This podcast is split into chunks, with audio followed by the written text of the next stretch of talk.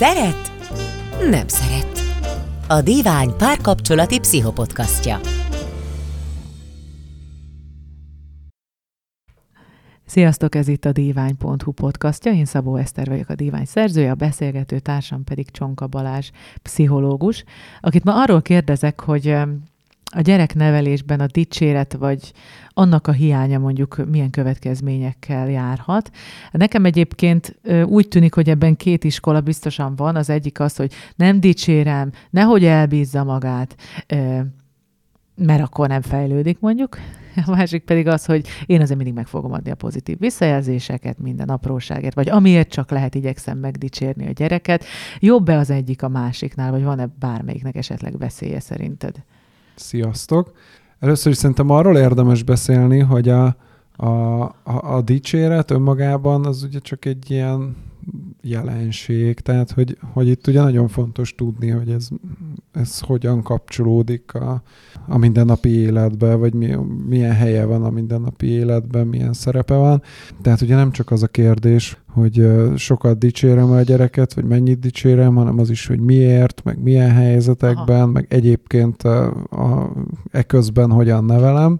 Szóval, hogy, hogy azt gondolom, hogy alapvetően ez, ez dönti el nyilván, hogyha a gyereket, tehát az ilyen nagyon szélsőségek nyilván így is értelmezhetők, hogyha mindenért meg van dicsérve, akkor ugye az egy ilyen, egy ilyen inflációt hoz létre, tehát gyakorlatilag nem lesz nagyon súlya ennek az egésznek. Tehát, hogyha most azért is csodálják a gyereket, hogy nem tudom, megvakarta a fülét, akkor nyilván nem lesz nagy ö, sikerélménye attól, hogy tényleg csinált valami tök jó dolgot, és és ugyanazt kapja, mint amikor csak megvakarta a fülét. Meg nyilván, hogyha a gyereket sosem dicsérik meg, akkor ugyanúgy, ugyanúgy az van, hogy, hogy az is egy ilyen szélsőség, ami akár önmagában is értelmezhető, de, de azért így a, a, a mindennapi életben előforduló példák, azok, azok ennél sokkal színesebbek. Akkor tehát nem azt érdemes kiragadni, hogy hányszor dicsérjük meg a gyereket, hanem hogy maga a dicséret az milyen üzenetet hordoz, vagy mennyire őszinte? Valahogy így érdemes megfogni? Hát úgy érdemes megfogni, hogy a dicséret az egy eszköz, és hogy ugye szülőként mire használom, az a hogyan, hogyan használom, mikor használom, mire használom, ugye ezek a, ezek a legfőbb kérdések. Tehát önmagában ez csak egy eszköz. Jó, hát mondjuk dicséret és nem dicséret kérése, talán csak mondjuk egy szerete mindazoknak az üzeneteknek, amiket szülőként közvetítünk. Azt javaslom, hogy vegyünk sorra ezek közül néhányat, és akkor, amikor nagyon jól hangzanak, meg úgy gyakran mondják valószínűleg sokan, és akkor légy szíves, mondd el a véleményed róluk. Legyen az első az, hogy a te korodban én ezt már meg tudtam csinálni, mondjuk én kitűnő tanuló voltam, nekem már gyerekem volt ebben a korban. Hát ugye valószínű, hogy itt a szülő na- nagyon jót akar, ezzel szeretné inspirálni a gyereket valami, valami klassz változásra. Ehhez képest mi történik? Hát én nem vagyok ebben biztos, hogy a szülő olyan nagyon jót akar és inspirálni akarja a gyereket. Én ebből erősebben hallom az aggodalmat, hogy mi lesz ugye a gyerekből, ugye, hogyha nem úgy fejlődik, ahogy én fejlődtem a legalábbis a saját emlékeim szerint, ahogy fejlődtem, hogy akkor érdemes megkérdezni a nagymamát, általában kiderül, hogy tök más volt. Tehát, hogy igazából nem volt kitűnő, tökre nem tudta megcsinálni, de ő valahogy így emlékszik, ugye. És akkor aggódik, a, aggódik azon, hogy a gyerek majd valami csorbát szenved a, a későbbiekben, vagy, vagy akár akkor. Szóval, hogy igen, hogy, hogy ez az üzenet, ez ez ugye egyértelműen arról szól, hogy egy ilyen összehasonlításba kerül a gyerek, ahol ő alul marad a szülővel. És hát, hogy itt kérdés az is, hogy, hogy ebből ennek mi a, mi a következtetés a szülő részéről, ugye már, hogy ez, ez is gyakran elhangzik, hogy én a te korodban már nem tudom, ezt meg ezt meg tudtam csinálni, és ehhez képest te meg nem tudod, és akkor így mi lesz, vagy hogy nem tudom, én a te korodban ezt meg tudtam csinálni, te nem tudod megcsinálni, miért nem tudod megcsinálni, és akkor ugye a, a, a felé indul el ez a dolog, hogy a, a, gyerek miért nem szorgalmasabb, és akkor ott kerülnek elé ilyen különböző elvárások. De hát igen, tehát hogy az alapvető üzenet az az, hogy, hogy valamiért nem elégedettek velem, mármint a gyerek részéről hogy ezzel mi a cél, az szerintem az, az, az dönti el, hogy, hogy igazából milyen, milyen irányú lesz ennek a hatása, de hát nyilván semmiképpen nem, nem egy pozitív valami. Tehát, hogy ugye bíztatni azt, azt nagyon nehéz úgy, hogy, hogy azt mondom a gyereknek, hogy, hogy nem tartasz még sehol, és hm. akkor kapd össze magad, mert akkor majd tartani fogsz valahol. Persze akkor sem leszel nyilván olyan jó, mint én voltam, de hogy, de hogy ugye nincs az egésznek igazából köze ahhoz, hogy a, hogy a gyerek milyen dolgokkal küzd ebben az egész történetben, mint a, a saját életében. Szóval, hogy, hogy itt nem történik igazából kapcsolódás a, a, a gyerekhez, hanem egy ilyen összehasonlítás történik, egy ilyen keresztmetszeti kép, hogy hogy most akkor van gyerek, nincs gyerek, hányos szerepel a bizonyítványban, miközben ugye sokkal érdemesebb azon gondolkodni, hogyha a gyereknek rossz jegy van a bizonyítványában, akkor megértsük, hogy ez miért van. Tehát azért van, mert mondjuk nem tudom, flagma, és nem érdekli, és nem tudják a, az érdeklődését felkelteni, őt valamiért nem érdekli, vagy valami ugye objektív nehézsége van, ami miatt így nem tud ebben a tantárgyban jobban teljesíteni. Nagy Isten az áll mögötte, hogy a, ezen a, vagy ezzel az eszközzel bünteti őt az intézmény, vagy az áll mögötte, hogy éppen fejlődik, és tök mással van elfoglalva, tehát más kerül előtérbe az ő számára, vagy valami fajta olyan nehézséggel küzd, ami eltereli erről az energiáit, mondjuk nem tudom, akár otthon a családi légkörben nem minden teljesen kiegyensúlyozott, vagy rosszabbul alszik, vagy túlterhelt az edzésen, külön órán, vagy nem tudom, a osztálytársaival van valamilyen konfliktus. Az olyan rengeteg dolog van, ami, ami e mögött állhat, és igazából ezeket érdemes megérteni, mert ő gyerek is tulajdonképpen ebben szorul, vagy ebben támogatható, nem biztos, hogy támogatásra szorul, de ez az, amiben a szülő támogatni tudja, és ez az, amit, amit meg tud tenni azért, hogy a gyerek tovább tudjon ebből lépni, vagy kiderüljön, hogy, hogy igazából nem, nem ez az ő útja, hogy ő most nagyon jó legyen valamiből, amiből lehet, hogy tök nem lesz jó soha, akkor meg azzal lehet foglalkozni, hogy akkor, akkor mi az, ami, amiből meg jó lesz. Szóval, hogy, hogy én innen indulnék, és nem, nem feltétlenül onnan, hogyha motiválni akarom a gyereket, hogy felhívom a figyelmét, hogy ő most jelen helyzetben nem tart sehol. Akkor ezt a, én ezt a te korodbanozást, ezt tulajdonképpen egy kalap alá vehetjük a, a kortársakkal való összehasonlítással is, tehát hogy mind, most akár arról is beszélhettél volna, ugye? Tehát nincsen sok különbség. Hát annyi különbség van, hogy, hogy a kortársakkal ő, ő maga is összehasonlítja magát a szülő gyerekkori ényével, viszont nem. Ugye mm. arról nincsen tudása.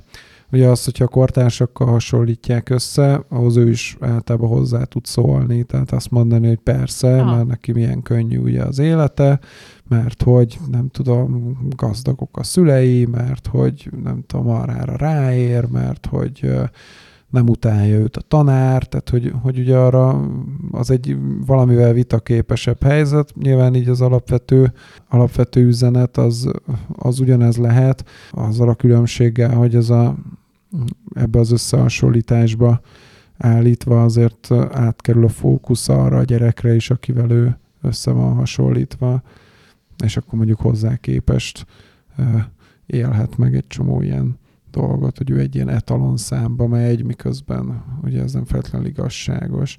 De a szülővel ilyen közvetlen összehasonlítási alapja meg nincsen, mert nem volt ott x évvel korábban, amikor amikor a szülő is hármas volt matekból. Uh-huh. De hát magyarul nehezebb helyzetben van a szülővel való összehasonlításkor azért. Hát bizonyos tekintetben igen.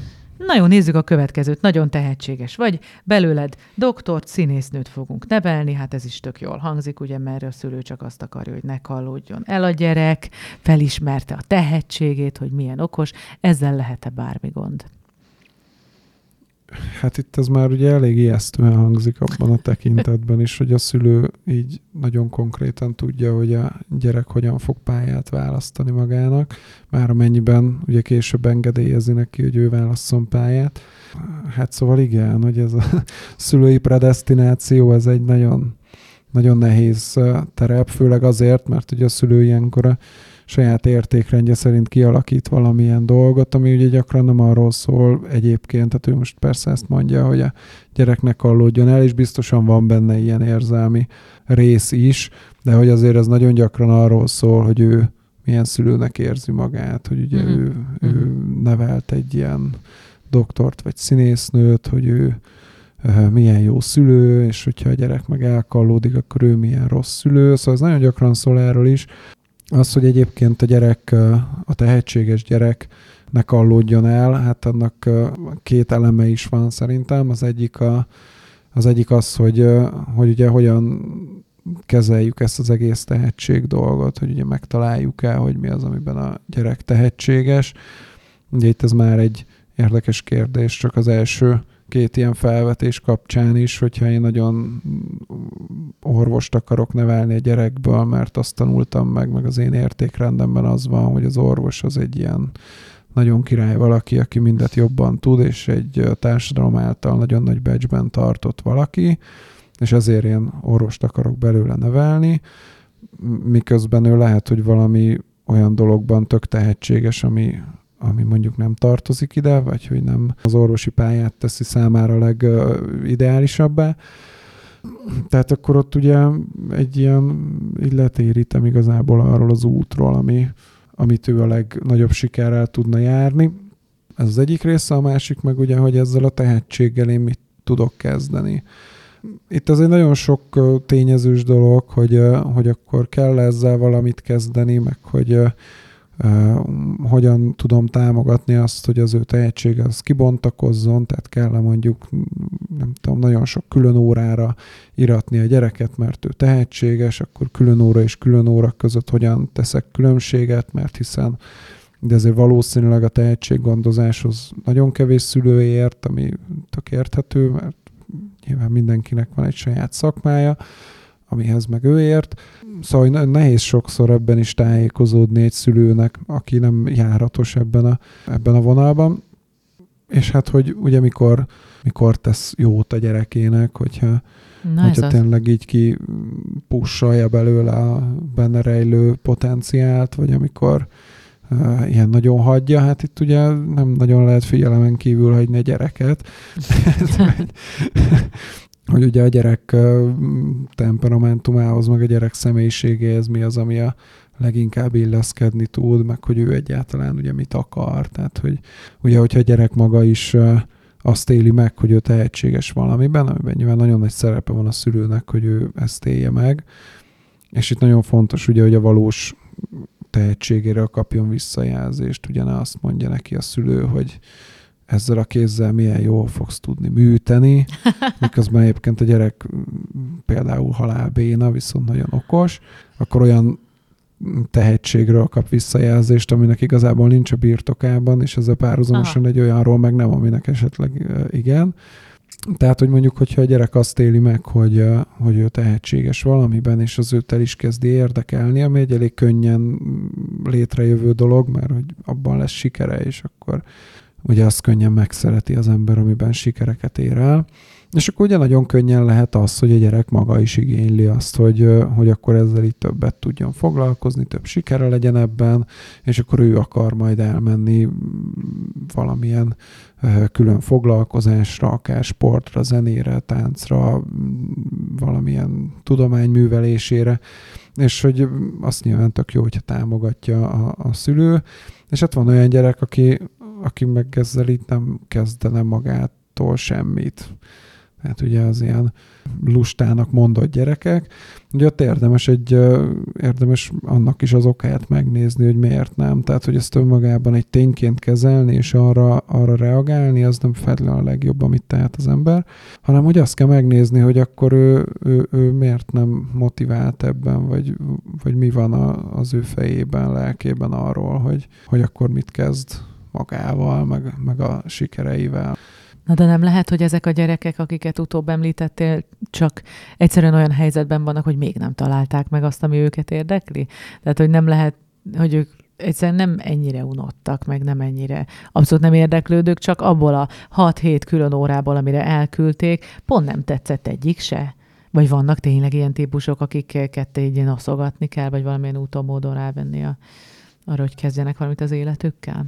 Hát szerintem olyan módon kell őket noszogatni, hogy inger gazdag környezetet uh-huh. biztosítani nekik, tehát ahol sok dologgal találkoznak. Ugye előbb-utóbb mindenki talál olyan dolgot, ami, ami őt érdekli, tehát ehhez az kell, hogy, hogy olyan környezetben nevelkedjen, ahol, ahol érik őt ingerek, meg így.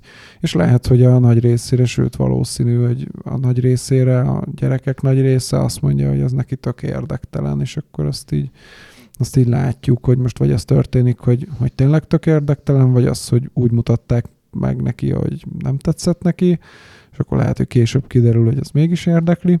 Hogy az mindenképpen egy, egy ilyen fontos, fontos dolog, hogy, hogy találkozzon a gyerek dolgokkal uh-huh. így az életben, tehát hogy így lássa, hogy, hogy milyen, milyen lehetőségei vannak, meg hogy azokban mi a jó. Tehát akkor a belőled doktort nevelünk helyett inkább igyekezzünk úgy hozzáállni, hogy minél több dolgot megmutatni nekik, és akkor hagyni őket, hogy abba mélyüljenek el, ami őket valójában érdekli. Ez így jó? Hát igen, az, hogy, az, hogy nekünk konkrét célunk van a gyerekkel, az, az azt gondolom, hogy mindenképpen rólunk szól, mint szülőkről, uh-huh. és nem a, nem a gyerekről. Az, hogy miben mélyed el, és hogy azt hogyan tudjuk támogatni, az is egy, az is egy tök jó dolog, és ott igazából ilyen nagyon általános tanácsokat nehéz is adni, hanem hogy ott, ott tökre a gyereknek, meg a szülőnek kell egy ilyen összeillést kialakítani. Én nekem a személyes véleményem azért az, hogy az elmélyülés mellett tök fontos, hogy, hogy ne korlátozzuk a, a tudást arra a területre, és most itt a tudások alá vettem a különböző készségeket is, tehát hogy amellett azért nagyon fontos, hogy, hogy fejlődjön a gyerek, mert ugye nagyon hajlamosak vagyunk így a, a gyerekeknek a, a szellemi fejlődését így valahogy túlsúlyozni.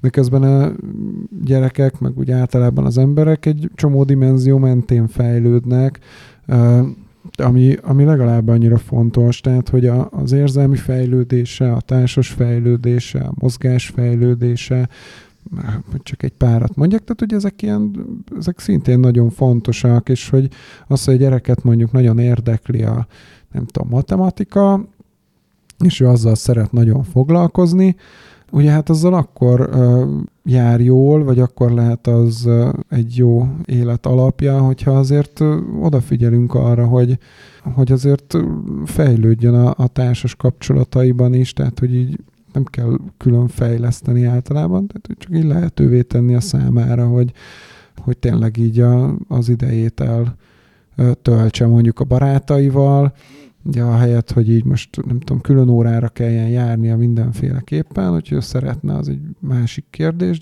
de hogy azért az a jó, hogyha olyan dolgokkal is van lehetősége foglalkozni, ami ugye más nagyon fontos készségeket fejleszt, mert, mert hogy ezek azért az életben való boldoguláshoz sokszor sokkal fontosabbak tudnak lenni, mint a, mint a tárgyi tudás, vagy egy ilyen tudományterületben való elmélyülés, és hogy nekem az a tapasztalatom, hogy nagyon, nagyon le vannak ezek becsülve. Ugye, hogy a okos gyerekkel ott az egy szokás eldicsekedni, hogy mennyi mindent tud a gyerek, milyen okos, miközben meg ugye az van, hogy, hogy egy csomó minden más készségé, készsége az meg így nem kerül felszínre, hogy azért nem kap dicséretet sokszor, meg nem büszkélkednek el a rokonoknak, meg a ismerősöknek mondjuk az érzelmi fejlődésének a alakulásával, vagy a társas fejlődésének az alakulásával.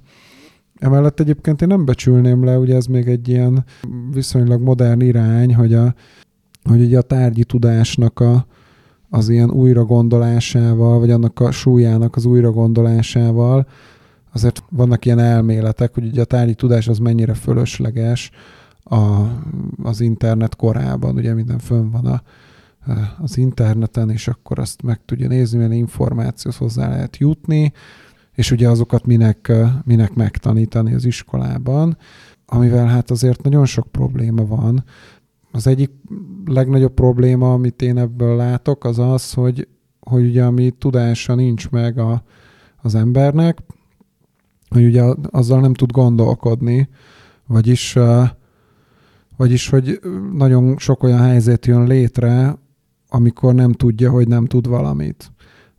Tehát, hogy a saját világképét kialakítani, meg a saját gondolatait a világról, azt abból a tudásból tudja megtenni, ami, amit ő megtanult, és az összeállt egy, ugye egy ilyen tudás tömbé, és ugye azt tudja bővíteni folyamatosan a tanulással, meg a művelődéssel, Miközben ugye, hogyha ha mondjuk nem tudom, hogy volt ilyen, hogy francia forradalom, vagy hogy ott milyen történések zajlottak, nem valószínű, hogy hogy felteszem magamnak azt a kérdést, hogy kialakul-e hatalmi vákum egy forradalom után jellemzően, ami utána életre hív különböző diktatórikus berendezkedéseket, jelen esetben például ugye a napóleoni rendszert, mert ugye nem fog megfogalmazódni ez a kérdés bennem, hiába, hiába tudom, hogy nem tudom, volt ilyen, és akkor, vagy esetleg, ha tudom, hogy egyáltalán ugye volt ilyen, meg,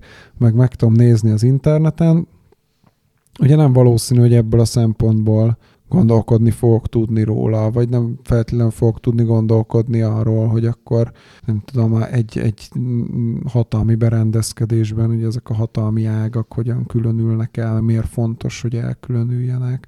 Tehát, hogy ezeknek a, a tehát, hogy a történelmi folyamatoknak például a, a, a természetét, azt nem fogom megérteni akkor, hogyha azt mondom, hogy hát ezeket tök fölösleges megtanulni, mert, mert úgyis fönn van a neten Ugye a, a másik probléma az, az meg ugye az internet természetével kapcsolatos, hogy nagyon sok minden van fönt az interneten. Egy kedves családi ismerősünk, ő még a internet hajnalán mondta, hogy ő egyáltalán nem is nem is fizetett elő internetre, ez még ugye ez az ADSL éra volt, ami örültünk, hogy a telefonálni lehetett, amíg netezett az ember. És ugye azt mondta, hogy azért nem, nem fizetett el az internetre, mert az interneten bármit le lehet írni. Tehát ő így gyakorolta a forráskritikát, hogy, hogy csak olyan forrást vett magához, ami, ami könyv formájában kiadatott, és ő ebben teremtette meg a saját információs biztonságát. De hát, hogy ugye ez egy nagyon fontos kihívása ennek az információs kornak, hogy ugye a, a, a forrás kritika, hogy hogy ez egy ilyen nagyon érdekes új készség, amit, amit nagyon fontos gyakorolni, mert hogy, hogy egyébként meg tényleg, tényleg bármit be lehet, vagy le lehet írni a, a, az interneten, vagy bármilyen oldalon. És hát, hogy ugye itt köszön vissza megint az előző probléma, hogy, hogy nem lesz ugye élből gyanús Ja, hogyha olvasok egy valamilyen olyan információt, ami nem pontos, vagy eleve egy kitalált valami, akkor, akkor azért, hogyha van az embernek egy bizonyos alapműveltsége, akkor azért elkezd gyanús lenni, hogy azért itt, itt biztos, hogy valami, valamit keresni kell, és akkor ugye felfigyel arra, hogy itt valami, valami para van, de hogy, de hogy anélkül meg, anélkül meg nem. Tehát anélkül meg ilyen brandekre tud támaszkodni, hogy na, az egy hiteles forrásnak számít, mert az egy ilyen nagy brand, de hogy, de hogy egyébként így teljesen kiszolgáltatottá lehet válni, hogyha az ember nem gyakorolja ezt a forráskritikát. És hát, hogy most ugye itt ilyen társadalmi méretekről beszélünk, hogy, hogy hogyan tud kialakulni olyan hiedelemrendszerekre társadalmi szerveződés is, ami, aminek aztán így semmi alapja nincsen. És hát hiába mondják a tudósok, ugye már, hogy ez nem feltétlenül mozgat meg akkor a tömegeket, mint a szenzáció, vagy nem jut el ugye annyi emberhez. Szóval, hogy én nem becsülném le ezt a, ezt a bizonyos tárgyi tudást, mert szerintem ez egy nagyon fontos dolog ahhoz, hogy, hogy az emberek olyan világképet alakítsanak ki, ami, ami azért mutat átfedést a valós történésekkel. Na nézzünk akkor egy következő üzenetet, amit szerintem a gyerekek többsége hall akár naponta. Haladjunk, már el fogunk késni. Ugye itt mondaná a szülő, hogy de hát én csak jót akarok, hát nem akarom, hogy elkéssen, és lesz így a tanárnéni. Egyébként is meg kell tanulni a gyereknek, hogy nem szabad késni. Van -e ezzel valami gond? Ezzel annyi gond van, mint általában a sürgetéssel szerintem. Itt ugye nagyon fontos megint csak, hogy, hogy, hogy ki a gyerek, meg hány éves a gyerek, mert hogy egy bizonyos kor után, tehát hogy azért már ilyen nagyobb óvodáskorban már el lehet kezdeni arra tanítani a gyerekeket, hogy, hogy be tudja osztani az idejét. Hogy ugye van ez a klasszikus mondás, amikor elkésel, hogy, hogy meg hogy sietsz, hogy ne késsel, ugye, hogy időbe kell elindulni, de hogy ez itt ez egy ilyen nagyon jó ilyen ezt így lehet így mondogatni a nagy bölcsességként, de hogy itt egyébként tök hasznos, mert ugye itt onnan indulunk, hogy, hogy miért késünk el, hát azért késünk el, mert hogy mert későn kezd el készülődni a gyerek ahhoz képest, amilyen ütemben ő, ő el, el tud készülni. És hát, hogy onnantól, hogy szülőként mi szabályozzuk az ő időbeosztását, onnantól kezdve ugye nincs is lehetősége arra, hogy ő fölmérje, hogy neki mennyi idő elkészülni a gyerek képessé tud válni arra, hogy, hogy felmérje, hogy, hogy mennyi idő alatt tud elkészülni, és hogy és hogy itt ugye gyakran elhangzik, hogy de hát ugye így szétfolyik, meg nem tudom, elkezdi kötni a cipőjét, közben elkezdi nézegetni a falat, meg közben uh-huh. eszébe jut valami, meg beszalad a nem tudom milyen játékáért, amit nem akar otthon hagyni, közben rájön, hogy WC-re is kell mennie, meg nem, nem mosott fogat, meg arra nem ő jön rá általában.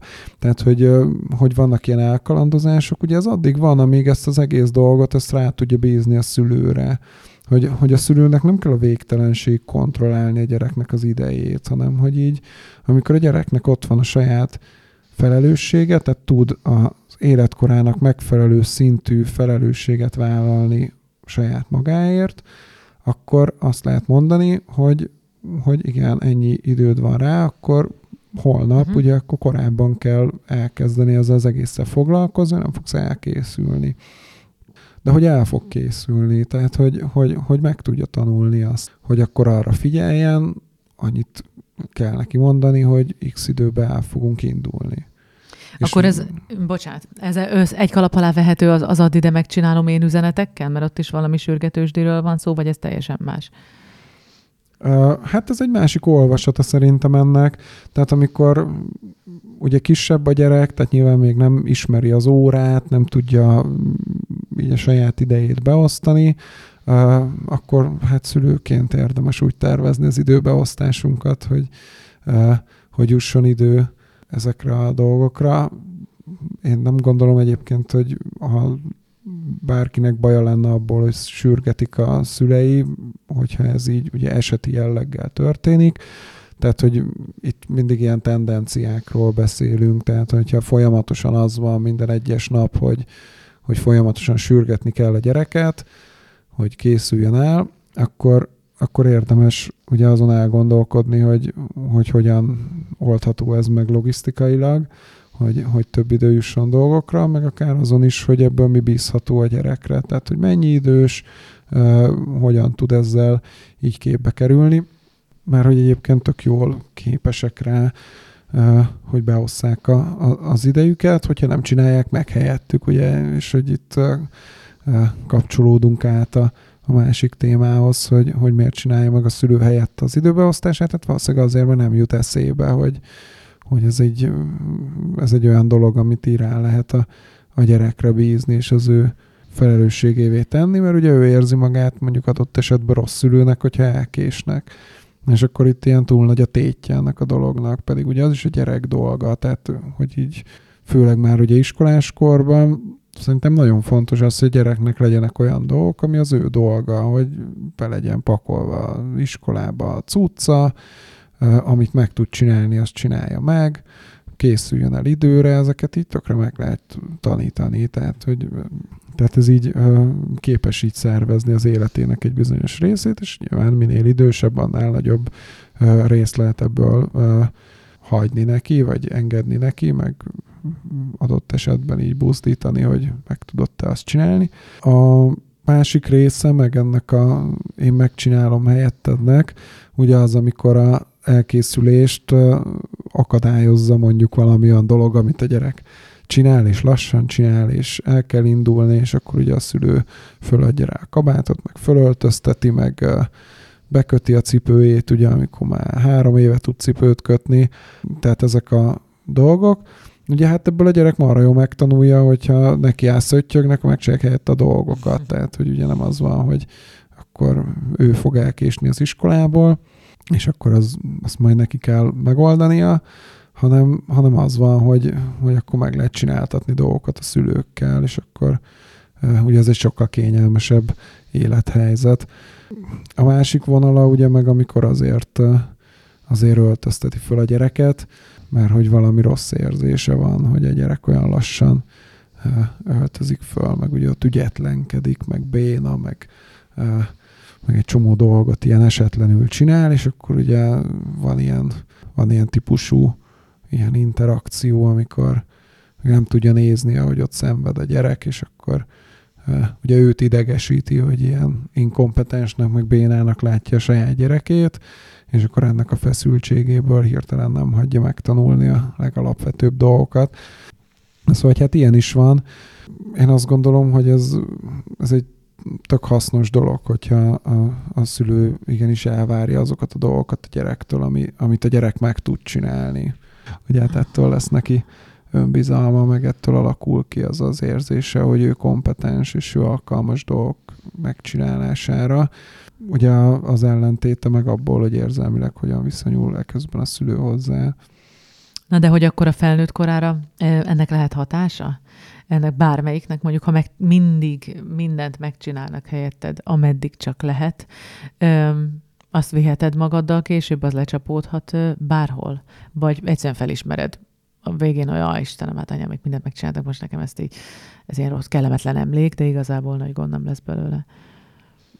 De hát az, az tovább viszi, ugye, hát a, vagy úgy, hogy ugye keres valakit, mert hogy nem nagyon képes magát ellátni, és akkor kell valaki, aki majd megcsinálja ezt világ életébe helyette. Vannak ilyen életutak is. Én azt gondolom, hogy az önbizalom az így sosem fog annak a, tehát, a, tehát sosem fog valójában kialakulni. Már mindig egy külső függés fog fönnállni, hogy ugye amit törékeny önbizalomnak mondanak, az, ami valójában nem önbizalom, hanem az, hogy a, a, a másik, tehát a másik engem jónak lát, akkor én is jónak látom magam, de hogy abban a pillanatban, amikor nem, akkor már én sem. Tehát van egy ilyen külső függés része. Nagyon érdekes egyébként, ez egy tök jó szó, ugye ez az önbizalom, mert ugye itt a bizalomról van szó, hogy, hogy igazából van egy ilyen sajátossága az emberi léleknek, hogy, hogy ugye úgy bánunk alapvetően saját magunkkal, ahogy a, a, a környezet, korai környezetünk, gyerekkori környezetünk bánt velünk. Tehát erre van egy ilyen, van egy ilyen hajlama az embernek. És hogy ez ebben az esetben ugye pontosan azt jelenti, hogy az az, az embernek lesz önbizalma, tehát az az ember fog bízni magában, akiben ugye bíztak mások a múltjában, főleg ugye a gyerekkorában, mert azok a legmélyebb érzelmi rétegek. Tehát, hogy, hogy igen, hogy, hogy azt a bizalmat kell megadni a gyereknek, hogy ő képes megcsinálni. És hát persze ismerni kell a gyereketek közben, tehát hogy a, ahhoz, hogy, hogy ezt mindig az életkorának megfelelő dolgokkal tudjuk, tudjuk csinálni. Tehát nyilván, hogyha azt mondom, hogy képes arra, amire valójában nem képes, az is egy ilyen, az is egy ilyen elcsúszás tud lenni, tehát akkor meg egy folyamatos kudarc élménye lesz, és ugye azt fogja megélni, hogy, hogy mások szerint ezt kellene tudnom, de igazából tökre nem tudom. Tehát, hogy azt, azt nagyon jól fel kell tudni mérni, hogy mi az, amire képes a gyerek, de hogy azt viszont, azt viszont bízni kell benne, hogy meg tudja csinálni, tehát hogy meg kell neki adni azt a bizalmat, hogy, hogy ő azt képes létrehozni, abból fog kialakulni az önbizalmának az a magja, ami, amire utána, ami utána az, a stabilitását fogja tudni adni a, az ő ilyenfajta működésének, hogy nem lesz mindig a mások visszajelzésének kiszolgáltatva. Akkor most, ha egy összefoglalásképp jó, hasznos, de legalábbis nem ártalmas szülői üzeneteket szeretnénk megfogalmazni a jövőben legalább, akkor eh, mik, mik legyenek a, a legfontosabbak? Egyrészt a gyerek megismerése az ugye talán egy fontos szempont, segíts, mi legyen még? Vagy mi vezérelje a, a kommunikációnkat, meg úgy egyáltalán a hozzáállásunkat? Hát ez szerintem korábbról is indul, tehát az onnan indul, hogy, hogy a szülő mielőtt szülő lesz, ugye mennyire, mennyire alkalmas erre a, a szülői szerepére. Tehát, Tegyük hogy, fel, hogy nem. És akkor ebből hozzunk ki valami jót. Tehát egy alkalmatlan szülőt tanítsunk Hát meg. igen, mert úgy gondolom, hogy akkor abból az alkalmasak is tanulhatnak is. Na hát akkor, könnyebb. akkor elérkeztünk az önismerethez.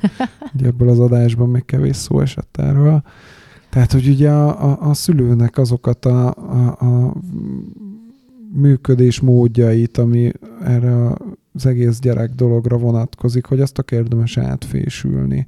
Ugye akkor nagyon könnyen ö, nyomára lehet akadni az ilyen dolgoknak, hogy miért is akarom, hogy orvos legyen a gyerek, vagy, ö, vagy mennyire mennyire ingatag a szülői önbecsülésem, vagy a szülői önbizalmam, hogy, hogy folyamatosan ki vagyok annak szolgáltat, hogy mit szólnak mások, hogyha nem veszem meg a gyereknek a csokit a boltba, amiért ott toporzékol, vagy hogy ugye elkésik az iskolából, vagy szóval így csinál valami olyan dolgot, amit én kínosnak érzek, mint szülő saját magam felé. Ugye, hogy azoktól én mennyire, mennyire ijedek meg. Tehát, hogy egy csomó meló tud ezzel lenni, hogy, a, hogy az ember így, így ezt letisztázza. Én azt gondolom, hogy utána már, hogy a gyerek megszületik, már, már egy, ott már a, gyere, a szülő-gyerek kapcsolata a, az igazán fontos, vagy az válik fontossá. Tehát, hogy eleinte nyilván az, hogy mennyire tudom szeretni. Ugye az mindig ilyen nagyon egyértelmű. Mert ugye azt mondjuk, hogy egy olyan kultúrában élünk, hogy az ember szereti a gyerekét, meg a szüleit, ez nem mindig ilyen nagyon egyszerű, hogy hogy ezt jól tudja az ember csinálni, vagy egyáltalán meg tudja ezt élni. De hogy az első időszakban ugye ez a, ez a legfontosabb, meg hát később is ez a legfontosabb igazából. És hát akkor ezek egészülnek ki folyamatosan azzal, hogy ha csak az önbizalmat nézzük, mint fókusz, akkor, akkor mennyire tudom önállóságra nevelni a gyereket. Nyilván ilyen óvodás koráig sem ennyire nem is kell, tehát óvodás koráig csúnyán szóval ki kell nyalni a seggét. Tehát, hogy akkor ez egy ilyen, tehát ott azt tanulja meg, az egy olyan életszakasz, ahol azt tanulja meg, hogy ő bízhat a környezetébe, meg a környezete szereti őt, meg számíthat rájuk, meg biztonságban van, és akkor onnantól lehet elkezdeni azt, hogy, hogy a maga szintjén ugye minél, minél önállóbb tudjon lenni, tehát ráhagyni egyszerűen olyan feladatokat, amit már képes megcsinálni, ebben nyilván a kezdetben nagyon kevés lesz, de mondjuk ugye már egy egészen tipegő korban is, ugye nem mindegy, hogy, hogy hogyan viszonyulok ahhoz, hogy elkezd a gyerek fölmászni a sámlira. Ugye már van, aki gyorsan lekapja onnan, hogy úristen lenne essen. Hát ugye az is egy érdekes történet pont most voltunk vendégségben, egy barátoméknak van egy két éves kislányuk, és pont ez a jelenet volt, azért is ez jutott eszembe, és hogy azt néztem, hogy mennyire jól kezelik ezt az egészet, tehát hogy ott volt a szülő, hogyha tényleg elkezd leesni a gyerek, akkor el tudja kapni, de hogy hagyta próbálkozni, hogy így, hogy így mire képes, és csak annyit segített, és szigorúan csak annyit segített, amennyit muszáj volt. Ez egy fél óra alatt kétszer fordult elő, és a második alkalomnál már sem ennyit nem segített, és az első alkalomnál is csak annyit, hogy megmutatta, hogy hol tud megkapaszkodni. És hát azt gondolom, hogy ez, a, ez valahogy az analógiája az önbizalom szempontjából jó szülői magatartásnak, hogy, hogy csak annyi, hogy ott lenni, tehát hogy ugye ott van, hogy érzelmileg támogatja, hogy számíthat rá, viszont ugye csak annyit segít, amennyit feltétlenül kell. És mint ilyen kiegészítő cikkely, vagy ilyen kiegészítő tip, hogy ismeri a gyereket. Mert ugye a gyerekek nagy része, vagy egy nagyon sok gyerek azért hajlamos ilyenkor így megvezetni a szülőt, akkor ugye úgy tesz, hogy ő ezt nem tudja megcsinálni, mert akkor megcsinálja a szülő, ugye ezt nem ezt nem feltétlenül érdemes benyalni, hogy, hogy ő ezt nem tudja megcsinálni, hanem lehet buzdítani, hogy de hogy nem meg tud csinálni, csak hát ahhoz biztosnak kell abban lenni, hogy tényleg meg tudja csinálni. Ennyi fért mai adásunkban a többi epizódot a divány.hu szeretnem szeret aloldalán találjátok meg, ha pedig hozzászólni szeretnétek, azt a szeretnem szeret kukac divány.hu e-mail címen tehetitek meg. Köszönjük a figyelmet, sziasztok! Sziasztok! Ennek most sajnos vége. De ha kellene még, gyere el a divány.hu szeret nem szeret oldalára.